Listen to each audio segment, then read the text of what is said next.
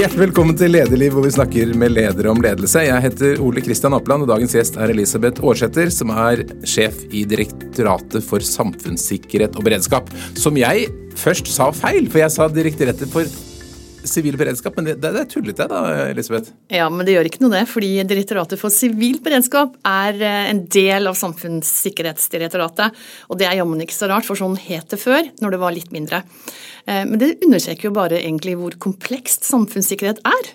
Eh, det er sivilt, det er beredskap, det er, altså det er alt det, men det korrekte er DSB på folkemunne. Og hva gjør DSB for de som ikke kjenner det? Ja, Vi skal holde oversikt over de store truslene mot samfunnet, de sivile truslene. Det som kan true deg og meg til og fra jobb, der vi bor, på fritiden vår. Altså ikke forsvarstankegang, men egentlig det meste annet. Vi skal holde oversikt, og vi skal også være en pådriver for at dette ikke går upåaktet hen. Dvs. Si at vi er forberedt på å håndtere kriser. Så alt det som det lages katastrofefilmer om, det er deres ansvar? Ja, faktisk er det det. Altså, vi har bistått både i denne tunnelfilmen og i den filmen om bølgene og alt mulig. Så vi holder på sånn litt i bakgrunnen og passer på at ting ikke skjer. Og nå har vi jo hatt en vanskelig situasjon, eller delvis har, med pandemi. Hvilken rolle har dere hatt under pandemien? Ja, der har DSB vært ja, nesten så jeg sier en slags krumtapp som er litt usynlig.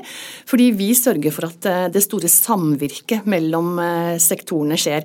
Dvs. Si, pandemien det er jo sånn opprinnelig en helsekrise. Vi så jo at det var 12. mars når det ble stengt ned, så var det jo helseministeren og de alvorlige folkene fra Helseinstituttet som, som sto der. Og så skjedde det jo en endring, og det var Justisdepartementet som styrte krisen fra den datoen. Fordi man så at denne helsekrisen, den stopper ikke i helsa. Den går utover alle andre deler av samfunnet. Og DSB er en del av justissektoren, er underlagt Justisdepartementet. Så da er det vår rolle å sørge for at alle de andre konsekvensene av én type krise får på en måte ja, den, den, blir opplyst da, i andre deler av samfunnet, og man får gjort det det som man må gjøre. F.eks. mat. Ja, hva betyr det i praksis? Hvordan var det gjort? ja, F.eks. mat. Da mm. altså, Da så jo alle at uh, man begynte å hamstre mat. Det var en uventet konsekvens. Uh, ergo må man snakke med matmyndighetene. Uh, kraft. altså Vi må passe på at vi har strøm. Elektronisk kommunikasjon.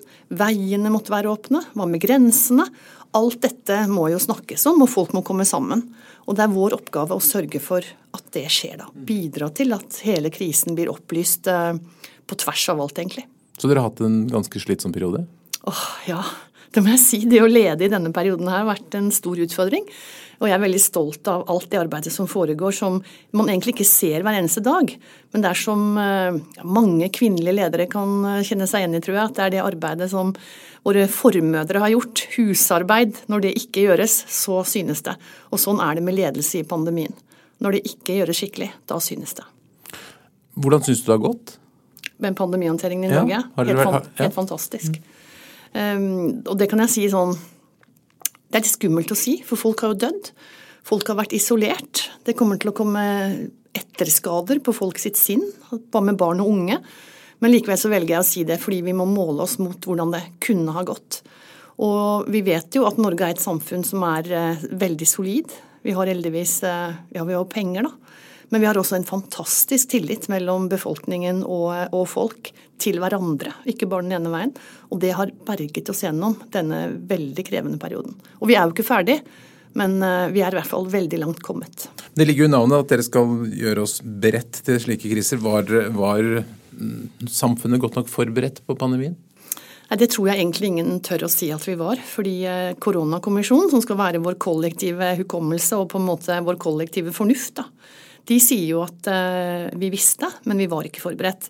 Og det syns jeg er en, en, setning jeg tenker mye på. fordi når du vet noe, hva gjør du med den kunnskapen? Så DSB har jo sagt fra i sine scenarioanalyser. Vi legger jo fram scenarioer for å holde denne oversikten. Vi sa fra at en pandemi kunne skje. Eh, og det er ikke fordi vi var mye klokere enn alle andre, men dette var forskning som var samlet, og som nettopp kom fra de som kunne det her aller best. Men når du ikke har opplevd noe før, så har du nok en tendens til å tenke at eh, ja, det, hva kan det være? Og utsette det kanskje litt til i morgen, eller ikke helt forstå hva det innebærer da. Så jeg tror nok at vi har, eh, vi har kommet til et sjumilssteg, altså. I, nettopp i å være beredt på andre typer kriser. Så det betyr at nå har dere si, gode tider fremover, mer anerkjennelse for at det er behov å forberede seg på kriser?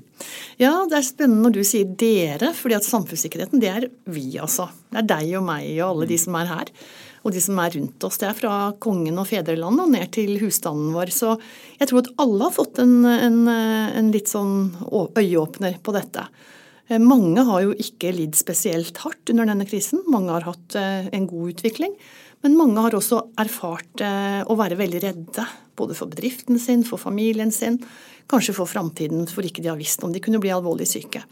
Og sånne ting gjør jo at når vi kommer gjennom det, så får vi erfaring, kanskje dyrekjøpt, men den må sikres for å ta med inn i neste kriser. Så kan ligne mye på denne krisen her, men vi vet jo ikke hva den er. Du kom seilende inn da som direktør omtrent akkurat ja. samtidig med pandemien? Ja, jeg gjorde det altså. Akkurat når landet stengte ned, så, så hadde jeg min første dag i DSB. Egentlig mutters aleine. Hvordan var det? Ja, Det var egentlig litt skremmende, for å være helt ærlig. Eh, og det kan man jo ikke si som direktør i det direktoratet som nettopp skal jobbe med samfunnssikkerhet. Du kan si det etterpå, da. ja, jeg, og jeg gjør egentlig det nå. For jeg syns det er ganske viktig at ledere byr litt på følelser også, hvordan ting er. Vi er jo, ligner jo på helt vanlige folk. Så da jeg begynte i denne jobben, så var verden helt annerledes enn da jeg ble utnevnt to måneder tidligere. Og det har jeg tenkt mye på. Jeg ble utnevnt i januar, eh, og jeg husker veldig godt. Det her skjer jo Eh, det er jo kongen som utnevner i sånne stillinger som, som vi har, og så er det da den, den, ansvarlige statsråd som tar deg på en måte inn, da. Og det var da Monica Mæland. Og vi snakket mye da jeg ble utnevnt i slutten av januar, men vi snakket ikke om pandemi. For det, det, det, det gjorde vi ikke i Norge da. Og så to måneder senere så var det liksom full fart på dette. Og da, da kjente jeg jo selvfølgelig på en prestasjonsangst. Eh, også på en veldig sånn adrenalinfølelse av at dette dette. Dette blir hva, hva, er dette? Eh, og her må jeg bare ta i bruk eh, det jeg mener at jeg kan, da. At jeg kan, eh, kan jobbe, og jeg kan lede. Men jeg vet ikke akkurat hvordan jeg skal gjøre det nå. Men helt konkret, hvilken dag startet du på jobb? 12, jeg, jeg begynte 1. april. Ja, ja Landet stengte ned 12. mars. Så da det nettopp stengt. Du, hvordan angrep du det? Du kjente jo ikke organisasjonen eller noen ting? Nei, jeg gjorde ikke det. Nei, det, man, det er nesten som å få en altså det, er som å få, det, er å, ja, det er som å få et isfjell da, når du bare vil ha en liten is, isbit. Eh, så jeg tenkte at jeg må bli kjent med ledergruppa mi. Så jeg eh, prøvde å gjøre det eh, gjennom skjermen, da. Og de jo, hadde jo veldig mye å gjøre. Altså De sto jo i en direkte håndtering sammen med helsemyndighetene. Og fordi DSB da er underlagt Justis- og beredskapsdepartement som eier krisen, så var det jo veldig, veldig arbeidskrevende.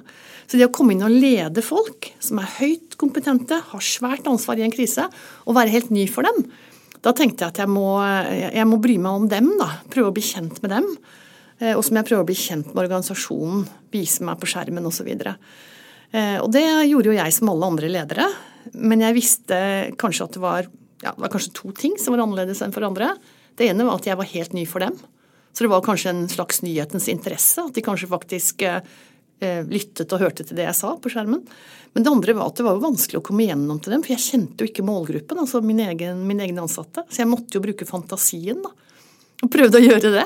Noen sjef under opplæring ja. i en verste krise? Mm var sånn. Hva gjorde du som var bra da, når du tenker tilbake på det? Hva er du fornøyd med i den uh, situasjonen?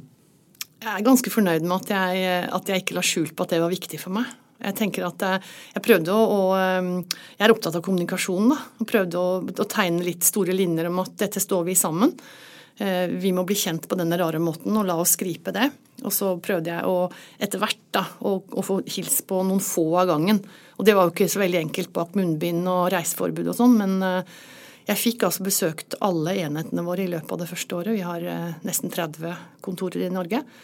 Og det krevde jo selvfølgelig eh, sitt, altså, under pandemien. Men jeg er ganske Jeg tror jeg ville gjort det igjen hvis jeg kom opp i en sånn sak, og konsentrere meg om å prøve å nå inn til mennesket eh, bak skjermen der.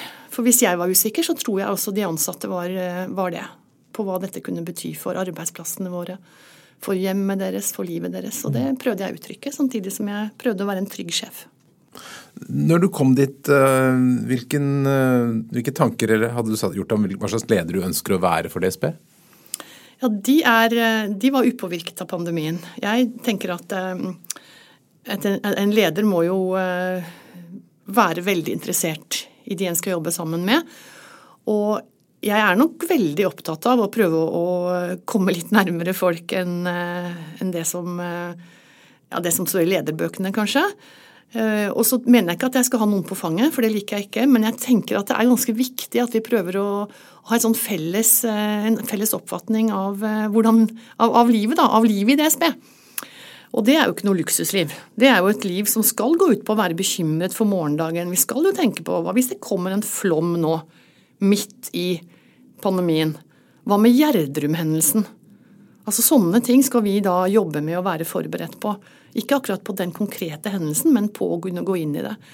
Og Da er jeg opptatt av å, av å være der sammen med folk, altså, og være interessert i hva de holder på med. og sånn, så For meg som leder så er det bare kjempespennende å få 650 nye kollegaer. Mm. Så jeg hadde masse å gjøre den første tiden, bare i å bruke ørene og øynene og lære av kollegene mine via skjermen og i små grupper. Du har jo en uh, variert bakgrunn fra offentlig sektor. Ved Høgskolen i Volda, Sysselmann på Svalbard, Statens vegvesen, Nasjonal kommunikasjonsmyndighet og så da DSB. Hva er det som trekker Er det noe fellestrekk i disse stillingene? Ja, det, det, er ikke alltid man kommer på de eh, før man liksom ser det sånn som du sier nå, da, i et fugleperspektiv. Men jeg liker veldig godt å bidra til store endringer. Men jeg tror at de store endringene skjer i det små. da. Jeg tror liksom at eh, altså når, noen setter retningen, og det er jo da politikk som jeg syns eh, det er spennende å jobbe i, i randsonen av, da, så, så syns jeg det er veldig spennende å være med og levere på det. altså. Og fellestråden, den røde tråden i karrieren min er nok at jeg liker å jobbe med å gjøre folk eh, ja, trygge, eh, at det skal være moderne. For eksempel så syns jeg jobben i Nkom var veldig gøy, fordi det handler om et moderne Norge, men et Norge som gjør folk trygge. De kan bo på en ytterste øy fordi de faktisk kan kontakte eh, nødetatene. Fordi det er bra bredbånd, fordi det er dekning. Um, og så syns jeg sysselmannsjobben var jo noe, noe helt spesielt som jeg aldri glemmer. Det som jo er morsomt med den runden du har hatt, er at du har jo holdt deg godt unna Oslo. Det er Volda, Svalbard, Lillesand, Tønsberg er du nå. Ja. Eh, dette med, ser, ser, verden veldig annerledes ut fra utenfor Oslo når man driver en offentlig etat? Du vet hva, Det har jeg ikke tenkt på på den måten som du sier det nå. Du er jo liksom Vedums drøm, du. altså, jeg ser jo, når jeg kikker ut av vinduet her på dette fantastiske studioet deres, så ser vi jo Makt-Norge. Vi ser barcode, og vi ser eh, kommunikasjon, og vi ser rikdom. Og den rikdommen er jo felles. Den er ikke Oslo sin, den. Den er eh, alle innbyggere sin. Eh, men makten, mye av makten sitter jo her. Og jeg liker nok å jobbe for makten. Når du formulerer det sånn som du gjør nå, så tenker jeg at jeg kjenner at jeg liker å jobbe for makten. Men man må ikke tro at den makten ligger her, altså. Og her alene. Fordi den ligger i demokratiet.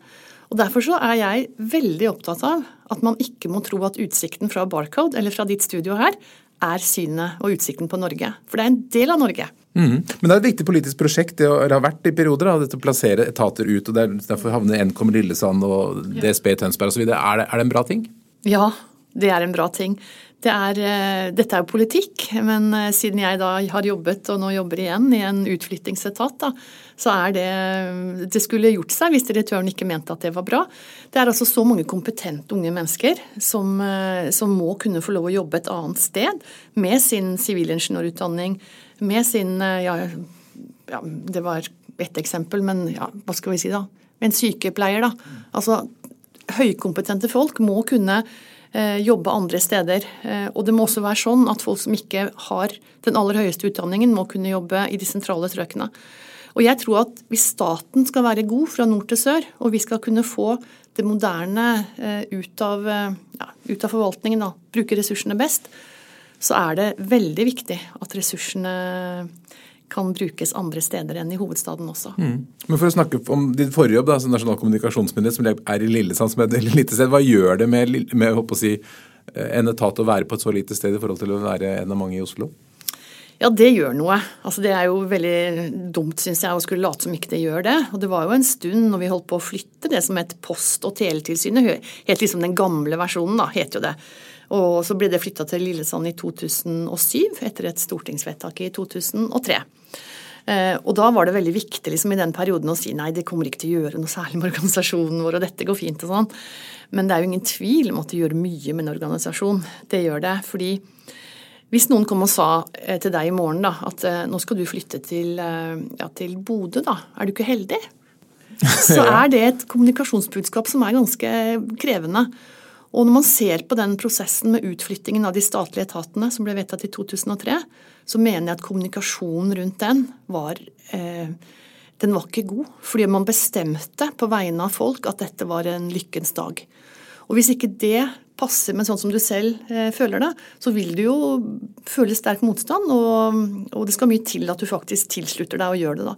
Så eh, Nkom, da, Post- og teletilsynet, fikk med seg en, en, liten håndfull, og da mener jeg en liten håndfull med folk, mens de aller fleste slutta sånn just in time til å ikke bli med fra Oslo. Ble da etaten satt tilbake? Ja, det gjorde den. Og det kan jeg være tydeligere på nå enn, en da. Men eh, den ble også trukket eh, fram, fordi vi fikk jo så veldig mange nye folk. Så på den ene siden så blir man satt tilbake fordi eh, verdien av den lange erfaringen man har i så komplekse prosesser som, som Nasjonal kommunikasjonsmyndighet driver med, regulering av konkurransemarkeder, så trenger man liksom lange linjer. Den ble satt tilbake, men så kom det jo veldig raskt opp helt ny kompetanse som vi ikke hadde fått tak i nettopp hvis vi hadde hatt business as usual da, i Oslo mm. sentrum. Så vi fikk jo altså veldig mange nye sivilingeniører, økonomer, eh, jurister, pluss en hel del rekke folk som ikke hadde på Sørlandet da, som ikke hadde hatt eh, tilgang til sånne arbeidsplasser før. Så i dag er jo Nkom eh, veldig, et veldig sterkt kompetent organ. Ja, for det er noen etater som jeg kjenner til uten at jeg skal navne dem, som har litt sånn juksegreit. De har postnummer på, i Drammen eller Hamar eller et annet sted, så har de et sterkt kontor i Oslo. Men med inntrykk av at Nkom f.eks. virkelig er i Lillesand? Ja, det er også mitt inntrykk fortsatt. Selv om ikke jeg jobber der lenger, så har det i hvert fall vært slik. Og, og dere er ordentlig i Tønsberg? Ja, men, vi, men, men DSB har jo mange eh, andre kontorer, for vi er en myndighet som, som, er nesten som et supermarked.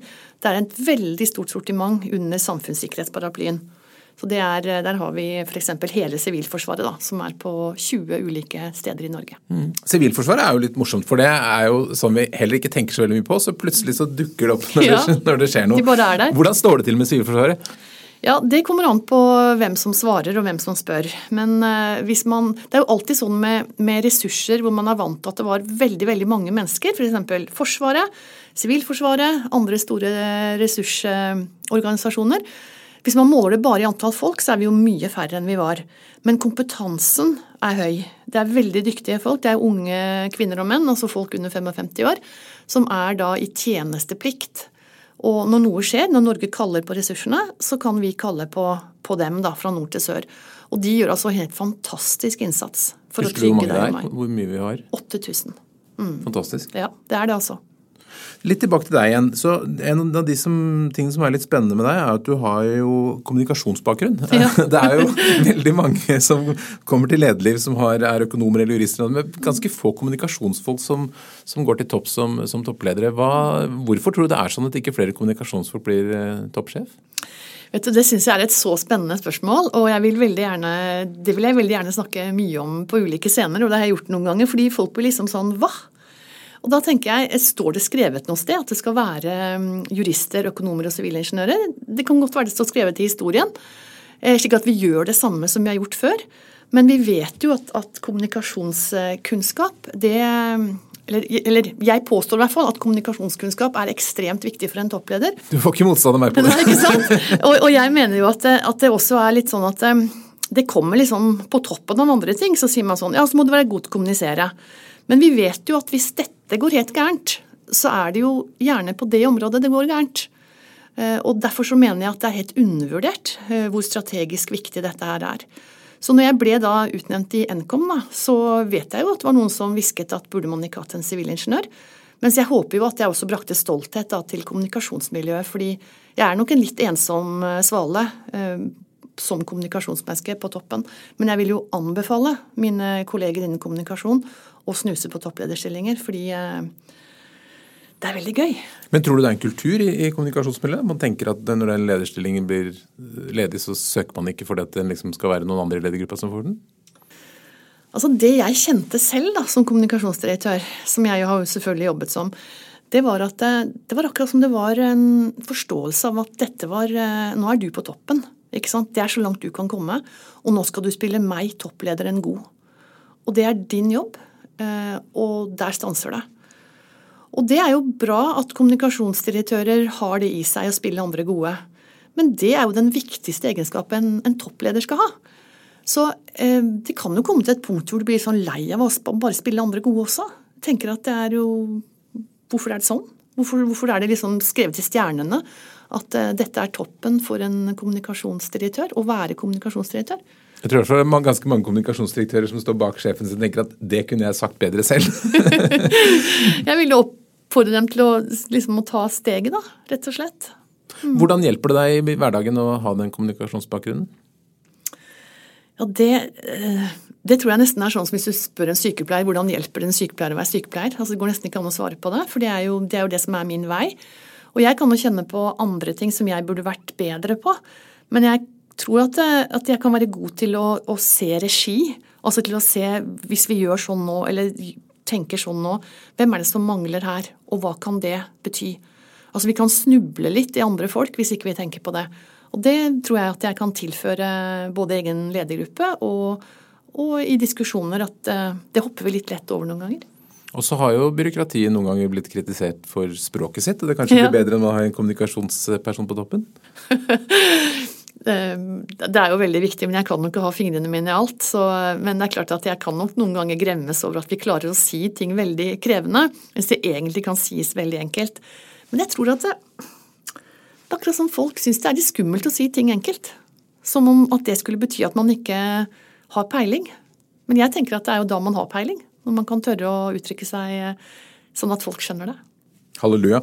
Eh, men du kom jo da fra du er Kanmag, du er en kommunikasjonsperson, blitt leder. Når var det du begynte å se deg selv som en lederperson, tenke at ledelse det er noe for meg? I sånne, Når jeg tenker på ledelse, så tenker jeg alltid Og da skal jeg sikkert svare at jeg var speiderleder og sånn.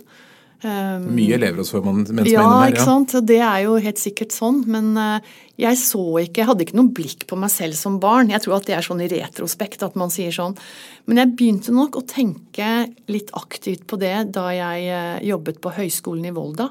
Da jeg var ferdig med kommunikasjonsstudiet, så ble jeg bedt om å, være, å, lede studiet fordi det hun som gjorde det, skulle ta doktorgrad.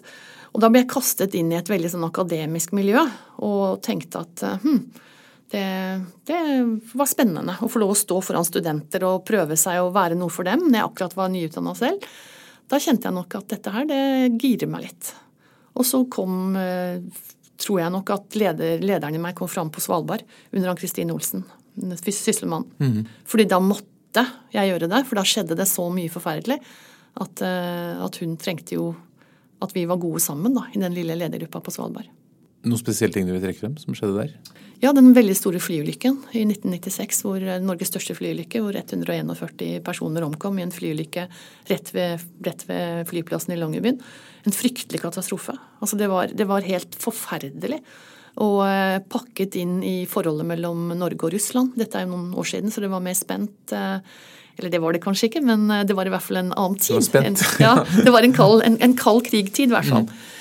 Med, med, befolkning og pårørende som ikke behersket norsk. Jeg behersket ikke russisk og ukrainsk. Veldig ulike kulturer. Uh, mye falske nyheter, faktisk, allerede den gangen. Veldig krevende. Og da kjente jeg bare at uh, det der var definerende for meg, altså. De ukene der. Hva lærte du av det sånn ledelsesmessig? Ja, jeg lærte altså det aller viktigste, at hardt arbeid og respekt for, eh, for dem det gjelder, det må du aldri tulle med. Du må, du må, når du står i noe som er viktig for folk, så må du rett og slett vise at du tar dette på alvor. Og nesten, jeg tror nesten folk må se at lederen jobber hardt. Rett og slett At det er ganske viktig at organisasjonen og de det gjelder, da eh, får en følelse av nærhet, da, selv om ikke du kan eh, være nær dem. Så at de ser at hun eller han står på for meg. Mm. Har du hatt noen forbilder som leder som du har som gitt deg noen retning? Ja, altså Ann-Kristin Olsen, som var sysselmann, hun var jo Norges uh, første på mange områder uh, på, kvinne, på, kvinnelig ledelse. Første, nei, første kvinnelige politiinspektør. Første um, politimester og første sysselmann. Og et enormt forbilde på ledelse. Og hun, uh, altså hun hun lærte meg ting uten at hun visste at hun gjorde det, tror jeg. Det kan godt være at hun visste det, men eh, hun lærte meg å ta ansvar. Eh, men først og fremst så lærte hun meg at, eh, at jeg var god nok. Og kanskje måtte hun bare gjøre det, fordi det var jo vi som jobbet der. Vi var jo bare noen få hos Sysselmannen. Men hun tok meg inn i den lille ledergruppen sin og ga meg ansvar. Jeg var 30 år gammel, og hun ville meg god. Og det er det viktigste jeg har lært. Altså, du må ville folk gode. Eh, du kan ikke bare tenke på CV-en at er du god? Du må ville det gode. Og det prøver jeg å, å leve etter selv. Jeg prøver å se talenter. Prøver å tenke at der er det noe. Jeg vil at du skal være god. Så er det ikke alltid jeg sier det til folk. Jeg kan ikke si det. Men jeg prøver å gjøre det som hun gjorde for meg, som gjør at jeg sitter her jeg gjør i dag. Eh, det mener jeg er eh, Jeg mener at det etterpå er en klar sammenheng mellom at jeg turte å gå fram, og at hun var og fanga meg når jeg falt. For det gjorde jeg jo. Når føler du deg best flinkest som leder? Når jeg er flinkest? Altså det ordet der, vet du. Mm. Når trives du best? da? Når liker du deg selv best som leder? Jeg liker det jo eh, best når, jeg, når vi er sammen og får, får, til noe. Egentlig så liker jeg å få litt umulige oppgaver, og DSB er en umulig oppgave. Fordi samfunnssikkerheten den er jo en, en, en eh, den er en bevegelig størrelse. Den, ingen vil si at den er god nok. ikke sant? Det skulle gjort seg. Samfunnssikkerheten er god nok. Da kunne vi bare lagt ned. Så jeg liker det når vi får til noe svært. Altså Jeg liker det veldig godt når jeg ser på Gjerdrum, den fryktelige katastrofen.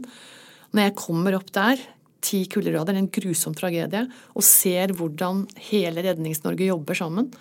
Og jeg ser de oransje teltene til Sivilforsvaret, som jeg har ansvar for. Jeg ser folk som står på post, som snakker med de pårørende, og så tenker jeg dette jobber jeg med. Fy søren, så stolt jeg er av at jeg kan få lov å bidra her. Så jeg trenger ikke å være absolutt ikke være fremst, men jeg trenger å se at vi, at vi er til nytte. Da føler jeg meg best. Når er du ikke liker det, ikke liker å være leder. Det er vel ingen som liker sånne nedbemanning og, og tøffe varslingssaker og sånn. Det er jo møkkasaker. Eh, og der er eh, Der kommer jo ensomheten inn, da. Det å håndtere ensomhet er eh, lite omtalt, syns jeg, i ledelse. For du er til syvende og sist ensom, altså. Selv om du har noen gode rundt deg, så er det noen saker som du bare må stå i. Og påføre andre smerte. Det er jo ikke ofte vi har saker hvor folk liksom med overlegg har gått inn for å gjøre noe galt. Altså, men det har bare blitt sånn. De har kanskje vært i hermetegn dumme, da. Eller ikke vært klar over sine egne begrensninger eh, etisk eller eh, som person, og så har de havnet utpå det. Da gjør det vondt. Mm. Men da må vi jo være tydelige. Og da, da, er jeg det når det trengs. Hva har du lært eh, når det gjelder håndtering av sånne saker? Sånne krevende saker? Mm. Hva gjør du annerledes nå enn første gang? Jeg er mye mer moden i det. Altså jeg er mye, mye mindre redd for å, nettopp å stå alene. Og jeg kjenner i magen hvis dette er feil. Dette er feil. Dette kan, ikke, dette kan jeg ikke, leve med, så lever jeg heller ikke med det og må gjøre noe med det. Men jeg er en, en leder som ønsker å hjelpe folk ut av ting hvis det er mulig. Men uh, ikke sånn at det går på integriteten løs, altså. Så du blitt bedre til å lytte på magefølelsen? Ja. Men det er fordi jeg er blitt så gammel, vet du. Jeg er 56 Nei, kanskje år. ikke bare. for Et annet punkt på CV-en din er at du, du eh, Det er to ting som jeg tenkte vi skulle snakke litt om. For du har både gått på Solstrand, som jeg også har, og som jeg er en veldig ambassadør for, og Forsvarets høgskole. Det er mange ledere som har så jeg har lyst til å snakke litt om de to tingene. For, ja. for det, Hva er Solstrand-programmet, og hva er Forsvarets høgskole? Hva, hva, er forskjellen på dem, og hva har det gitt deg? Det er jeg interessert i. Mm, Solstrand-programmet er jo drømmen. Det er jo tid, over lang tid, for du sitter sammen med utvalgte folk som er valgt ut for deg. da. Du har ikke noe innvirkning på dette selv. Å sitte i et rom og snakke om ting som du eh, egentlig vet langt inni deg at du trenger å ta opp som leder, men som du aldri får gjort. For dette er et par uker om gangen i flere runder? Ja, i halvannet år. Holdt det på når jeg var der, i hvert fall. På Norges fineste hotell, kanskje? Det var også riktig. Eh, så det var jo det, Jeg føler Solstrand-programmet som, som, en annen tid. På en måte som Jeg holdt på å si før alvoret. Jeg var der, gikk der før terrorangrepet i Norge. Så um, jeg lærte der uh, Altså Først når jeg kom dit, så ble jeg ganske irritert. fordi at uh, inni disse gruppene så var det liksom ingen agenda. Og jeg er vant til å jobbe hardt, og nå er det agenda, nå skal vi sånn og sånn. Men der så fikk vi et par fantastiske foredrag, og så gikk vi i grupper. Og så skulle det skje noe, liksom. Og jeg ble bare helt enormt provosert. Skal ikke noen ta regi? Skal ikke noe skje? Så skjønte jeg jo at det er jo det det, det, er det, det skal. Jeg skal jo bidra til det selv. Og så lærte jeg der um, at det er noe med alle mennesker. Mye mer enn det vi ser.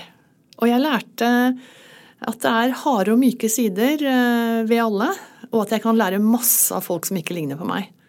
Fordi jeg har jo selvfølgelig som alle andre en tendens til å oppsøke de som ligner på meg selv. Men der var jeg tvunget inn i, inn i grupper med folk som jeg aldri hadde oppsøkt. Og i dag så er jo de svært viktige for meg. Det er jo mange år siden jeg gikk der nå. Eh, over, ja, det er vel 11-12 år siden jeg var ferdig. Men de er svært viktige for meg.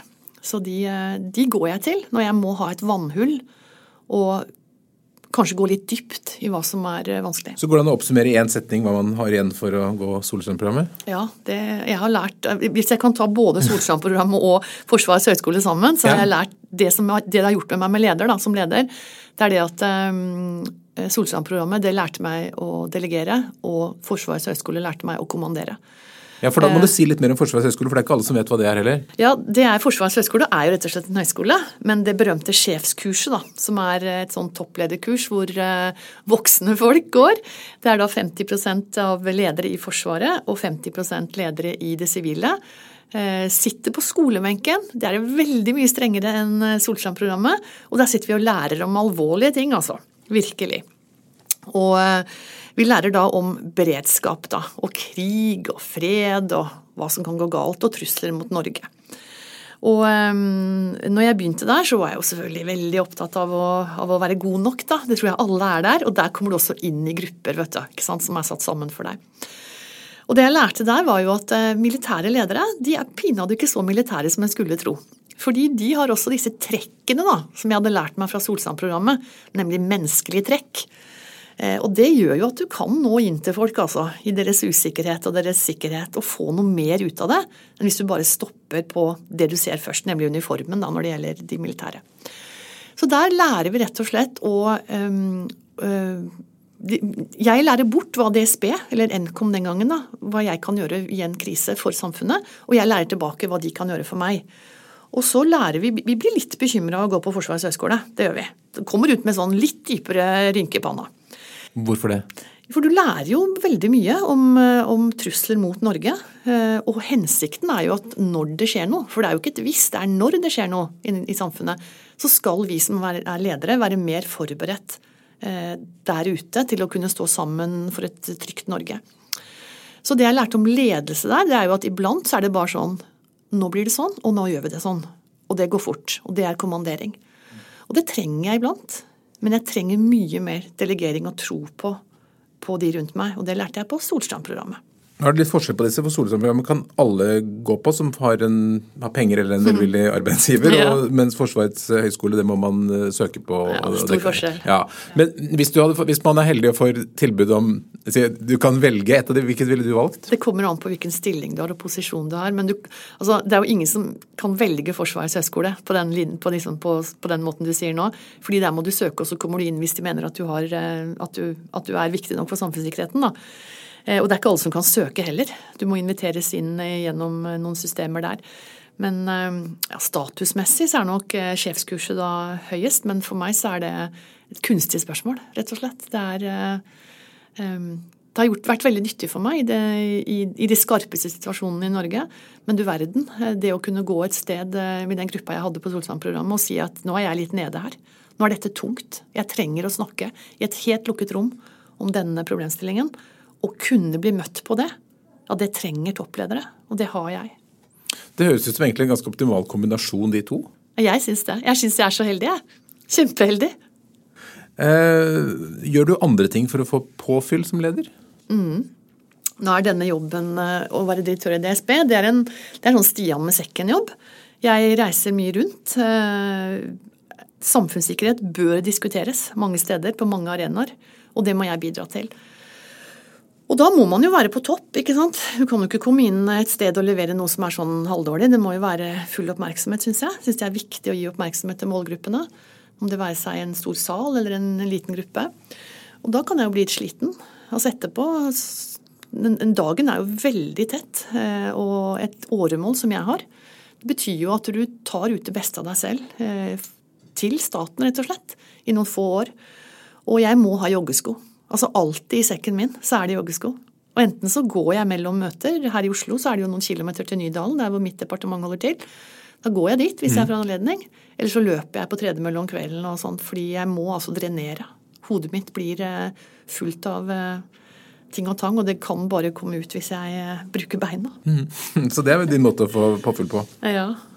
Vi må snakke litt om, om det du jobber med, da, beredskap. Altså, du, dere har nettopp vært en beredskapsuke. For dere har oppfordret alle husstander til å være rustet og klare seg minst, minst tre døgn. Instruer oss, kommander oss litt nå. Ja. kommander meg, hva bør jeg gjøre? Det går ikke an at, eh, at voksne, oppegående folk som deg som leder Apeland, eh, ikke lagrer vann hjemme. For å være veldig tydelig. Hvis det skjer noen ting, så kan du ikke klare deg uten vann. Det må du ha. Og det er uansvarlig av folk som har eh, viktige posisjoner, å ikke ta deg på alvor. Så Hvor mye vann må vi ha? Vi må ha ni liter per person i, for, for, et tredøgns uh, utfall av kraft, da, som er det vi er kanskje aller reddest for i en sivil krise. Mm. Det at ikke vi har kraft. For da har vi heller ikke etter hvert kommunikasjon. Så folk må rett og slett passe på flokken sin. Uh, vi må ikke stole på at ting går så smooth som det egentlig har gått i pandemien da, for mange. Vi må kunne sørge for å trekke inn og passe på våre egne folk, flokken vår, oss selv, i tre døgn. Hva mer enn vann trenger vi da? Det er helt åpenbart at vi trenger mat. Eh, men mange har jo litt liggende. Altså, det er ikke veldig mange som har helt tomt skap. Man har litt tørrmat liggende. Men man bør ha en varmekilde. Det er jo et, en utfordring når vi ser på Oslo sentrum. Altså, det er ikke så mange som har peis. Ja. ja. det er ikke så mange som har liksom en, en, en kilde til, til varme. Ehm, men eh, ullpledd Man må kunne altså rett og slett overleve i tre døgn. Og det høres liksom ut som det høres ut som noe helt annet enn det vi står overfor i dag, og det er det jo. Men det er jo ehm, Vi skal ikke lenger enn til NSM og til PST, som sier at eh, noen vil oss eh, vondt. Og det må vi være forberedt på. Men det kan også være en naturkatastrofe som gjør at noe skjer. Og det å ikke være forberedt med å ha det helt grunnleggende hjemme, det mener jeg at det er, eh, det er, ikke bra. Så når du ber meg kommandere deg, så må du gå og kjøpe et par sånne store vannkanner, fylle de opp og legge de i en eller annen bod. Og vannet, det holder seg i mange år. Det skal bli gjort, jeg lover. Det er bra.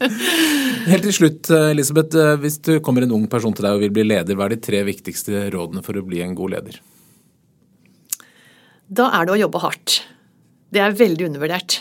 Eh, det syns jeg er hardt arbeid. Det fører, fører til suksess. Og så er det, er det, å ha, vite at du har to ører og én munn. Det er noen som har gått foran deg, og som er verdt å lytte til, og så videre. Og så vil jeg prøve å Jeg ville prøvd å finne en som vil deg godt. Jeg var så heldig at hun kom i min vei. Ann-Kristin Olsen kom og ville meg, ville meg god. Eh, prøv liksom å få tak i en sånn. Eh, en slags mentor. Eh, en som du kan snakke litt med, og som du kan få tilbakemelding fra. Fordi vi er Vi trenger det. Og vi trenger det helt fra vi starter og helt til vi er i topplederposisjon. Det var gode råd. Ja. Elisabeth Aarseth, hjertelig takk for at du kom til Lederliv. Tusen takk for meg.